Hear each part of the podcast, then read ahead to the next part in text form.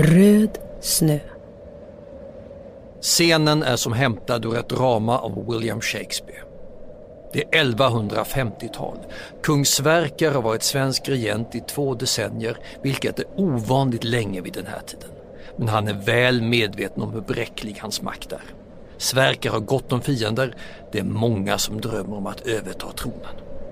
Och de väljer att stå till när han är som mest sårbar. Natten till juldagen färdas kungen och hans män genom ett mörkt Östergötland. Under julaftonen har det varit fest, det har druckits, det har druckits en hel del. Kungen känner sig säker och mår gott. Nu är han på väg till julottan i en närliggande kyrka. Han ska höra mässan och lyssna till det kristna glädjebudskapet. Han är inte på sin vakt. Det är inte hans stridsmän heller och i skuggorna kring fackelskenet döljer någon ett vapen.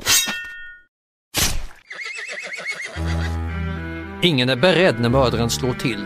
Snön där kungen har ridit färgas rödfläckig av blod. Harrisons historiska brott är en podcast från Svenska Dagbladet. I Röd snö berättar historieprofessorn Dick Harrison om fem fascinerande mord i vintertid. Del 4. Vem dödade kung Sverker? Elfte var kung Sverker den gamle. Han var Kornubbes son i Östergötland.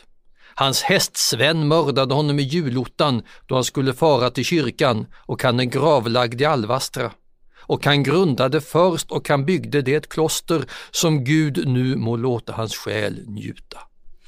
Så lyder en kortfattad notis i en av de äldsta källorna vi har till svensk historia, äldre västgötalagens kungalängd. En man vid namn Sverker var den elfte kungen man kunde dra sig till minnes. Först och främst ville skribenten påminna folk om att kungen hade varit östgöte, det vill säga nästan en utlänning för de västgötska läsarna och åhörarna att han hade grundat Alvastra kloster och att han mördades. Förövaren var kungens egen dräng och han slog till på vägen till julottan.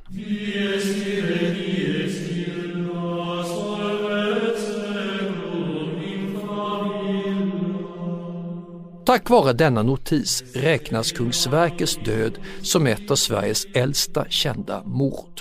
Vi känner visserligen till svenskar som blivit ihjälslagna längre tillbaka i tiden, men då har det rört sig om öppen konfrontation man mot man. Det har också cirkulerat rykten om tidigare mord, till exempel om monarker och prinsar som ska ha blivit förgiftade. Men då har det rört sig om vag hörsägen utan att någon mördare pekats ut. Så är det inte med Sverker. Men hur mycket går det egentligen att få veta om ett nästan 900 år gammalt mord? Vem var kung Sverker? Vem var hans mördare? Varför begicks mordet? Är det överhuvudtaget möjligt att besvara sådana frågor? Eller lägger medeltidens historiska dimslöjor ogenomträngliga hinder i vägen?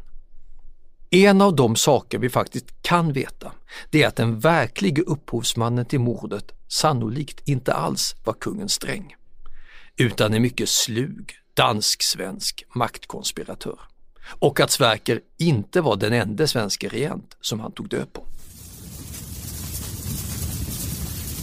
Det finns folk som menar att vår medeltidshistoria vore oändligt mycket lättare att skriva om det inte varit för den ödesdigra slottsbranden i Stockholm år 1697. Slottet Tre Kronor hade inte bara varit den svenska kungafamiljens residens utan också Sveriges viktigaste arkiv med massor av gamla dokument. Nu blev de lågornas rov. Tre fjärdedelar av de 24 500 tryckta skrifterna och de 1400 anskrifterna gick förlorade. Medeltidsbreven försvann för alltid. Försvann därmed också sanningen om mordet på Kungsverker? Svaret är nej. Antagligen hade vi vetat lika lite om 1100-talets Sverige även om brandpersonal funnits på plats i Stockholm 1697. På den tid då Sverker lever är nationen fortfarande i vardande. Det som senare ska bli Sverige är en konfederation. De blivande landskapen utgör självstyrande eller rent av självständiga länder som mycket väl kan ha egna kungar eller regera som bonderepubliker med lagmän som presidenter. De som verkligen bestämmer är storgårdarnas herremän och rika änkor som bönderna måste hålla sig väl med. Det påminner faktiskt lite om hur det fungerar i ett maffiasystem. Striderna om kronan antar formen av släktfejder och vendettor. Och den som har turen, eller kanske snarare oturen att bli kung, den blir sällan långlivad. Ett exempel på vilka risker en kung kunde utsättas för är historien om kung Ragnvald, som också har kallats Ragnvald Knapphövde. Ordagrant betyder det Ragnvald Rundhuvud eller Ragnvald Tjockskalle. Ragnvald var en av Sverkers närmaste företrädare och är även han känd på grund av en notis i äldre Västgötalagens kungalängd. Den berättar att Ragnvald, som ska ha varit djärv och högmodig, nonchalerade de gängse reglerna när han red genom Västergötland för att hyllas som kung. Enligt tidens regelverk skulle han som ny kung ha med sig ett par män att lämna som en sorts gisslan åt västgötarna när han anlände. Det struntade Ragnvald i och västgötarna kände sig så förolämpade att de slog ihjäl honom. I orten Karlepitt, vilket troligen ska tolkas som Karleby utanför Falköping, konfronterade de Ragnvald och dödade honom mitt under en tingsförsamling. Bortsett från den sortens kortfattade notiser fästs nästan ingenting på pränt under denna tid. Samhället är för osäkert. De skrivkunniga munkar som bevarar texter till eftervärlden är för få. Följaktligen kom epoken i efterhand att vila i ett källmässigt töcken. Det är alltså mycket svårt att gå till botten med mordet på kung Sverker. Men låt oss försöka. Vem var Sverker? I källorna dyker han upp först under åren kring 1140 då han härskar över bygderna vid Vättern och Mälaren i nära allians med kyrkan. Troligen har Sverker erkänts som härskare senast i mitten av 1130-talet, men det dröjer till decenniet efter innan han blir en påtaglig gestalt i det material som finns bevarat. Kung Sverkers starkaste maktbas är slättlandet i mellersta Östergötland. Både Alvastra kloster i Östergötland och Nydala kloster i Småland grundas under hans regeringstid med aktivt stöd av biskopen i Linköping som är en stöttepelare för hans monarki. I synnerhet Alvastra, beläget vid foten av Omberg, ligger Sverker varmt om hjärtat. Antagligen är han inblandat i resandet av fler kyrkor. Det är under hans tid som många av de små romanska kyrkorna i Götalandskapen byggs. Det man vet om hur det var att vara kung på 1100-talet i Sverige är i princip bara vad kungarna hette. I bästa fall när de levde och när de dog, men ofta inte ens det. På den här tiden fanns det ännu inga slott. Den första stenborgen som man känner till byggdes lite senare av kung Sverkers son Karl på Visingsö. Kungarna höll istället till i trähus, större bondgårdar och hallbyggnader, ungefär som på vikingatiden. Kungens enda grundläggande rikedom var jorden han ägde. Den fanns utspridd över området han härskade över och hans tid ägnades främst åt att rida mellan dessa ägor för att äta det som fanns och sedan rida vidare. Det var inte bara nödvändigt för att kunna försörja sig, utan också för att hålla koll på folket som hade svurit trohetsed till kungen. Detta nätverk av människor utgjorde hans maktbas. Väldigt många stormän ansåg att det inte fanns någon poäng med att ha en kung. Men kungarna hade sedan 150 år tillbaka börjat ta sig ton, inspirerade av sina betydligt mäktigare gelikar i Tyskland och Danmark. Kungarna visste alltså att de skulle kunna bli betydligt mäktigare än vad de var, men då behövde de inkomster. Sverker vet om att det finns många andra herremän som skulle vilja ta hans plats, som tycker att det är de som borde härska över den lösliga svenska konfederationen. Alltså ser han till att skapa nätverk, bland annat genom att ingå äktenskap. Hans första kända hustru är den norska stormannadottern Ulvhild som är änka efter en tidigare svensk kung, Inge den yngre.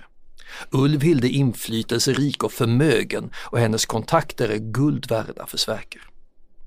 Efter Ulvhilds död gifte han om sig med den polska prinsessan Rikissa som tidigare varit gift med en annan svensk kung, Magnus Nilsson, och med den ryske fursten Volodar av Minsk.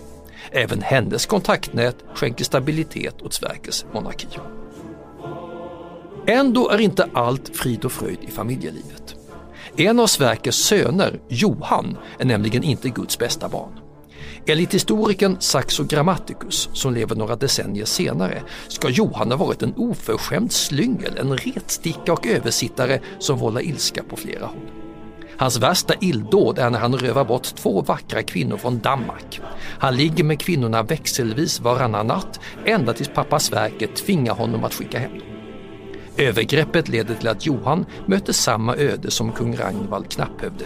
Under en tingsförsamling måste han värja sig mot en ilsken folkskara som låter avrätta honom.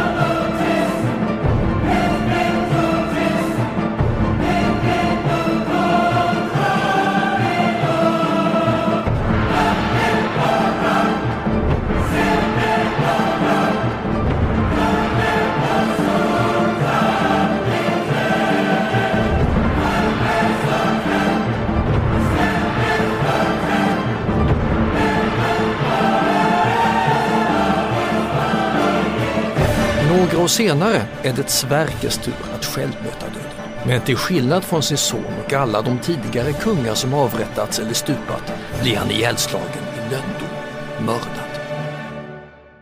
I kungalängden uppges att Sverker mördas av sin häst Sven, alltså en tjänare, när han är på väg till julottan i mitten av 1150-talet, sannolikt 1156.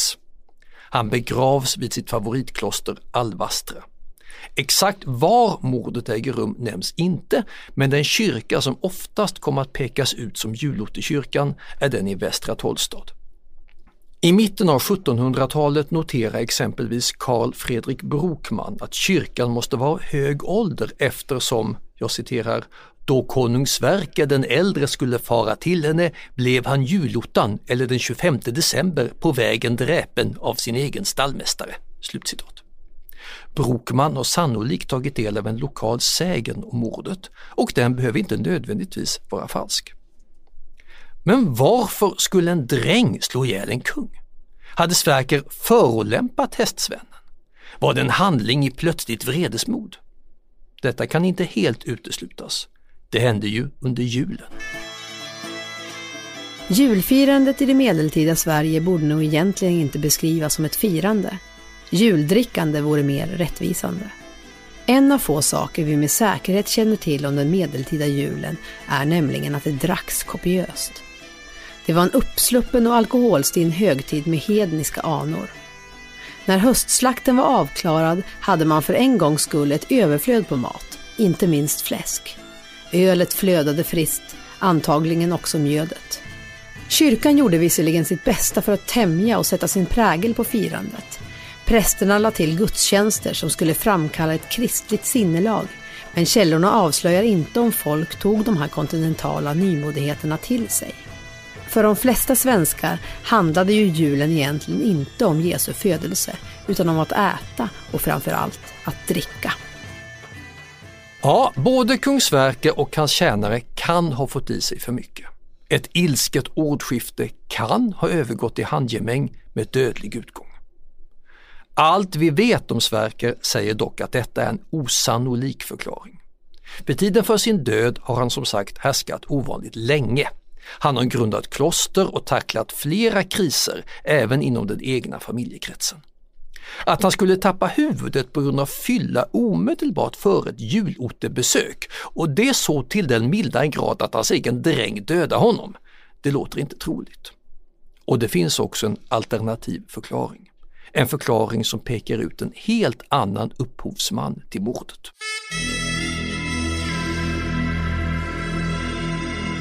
Den verkliga mördaren heter med stor sannolikhet Magnus Henriksson och kan agera precis så som regnsmidande medeltida stormen förväntas göra.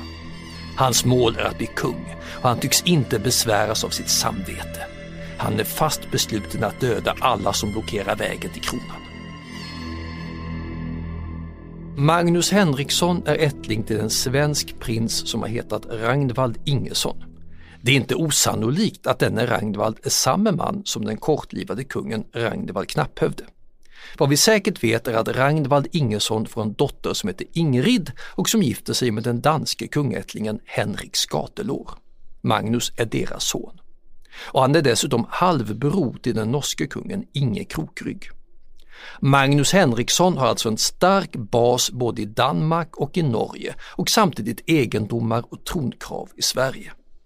I våra två grannländer finns det andra som står före honom i kön till kronan, men i Sverige börjar Sverker bli till åren kommen.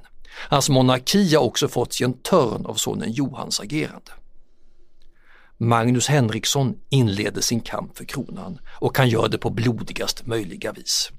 Enligt Saxon Grammaticus är det Magnus som ligger bakom mordet på kung Sverker. Hästsvennen handlar alltså inte på eget initiativ. Han har tagit emot mycket silver av sin uppdragsgivare. Med kungen ur vägen har Magnus Henriksson tagit första steget mot tronen. Men tyvärr för honom finns det fortfarande en svensk kung vid liv. Sverker har nämligen inte varit den enda i riket som kallat sig kung vid den här tiden. Han har också haft en konkurrent, kung Erik. Erik Gedvardsson var en storman vars familj hade starka band till både Västergötland och Uppland. Han ska ha varit erkänd som kung i slutet av 1150-talet. Kung Erik är en gåtfull person som man i efterhand vet ytterst lite om. Egentligen bara två saker kända om honom. Att hans hustru var inblandad i en fejd med munkarna i Varnhems kloster och att han själv blev brutalt ihjälslagen omkring fyra år efter mordet på kung Sverker.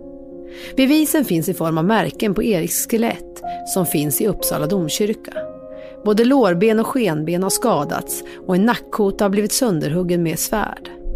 I de medeltida källorna pekas en förövare ut. Magnus Henriksson.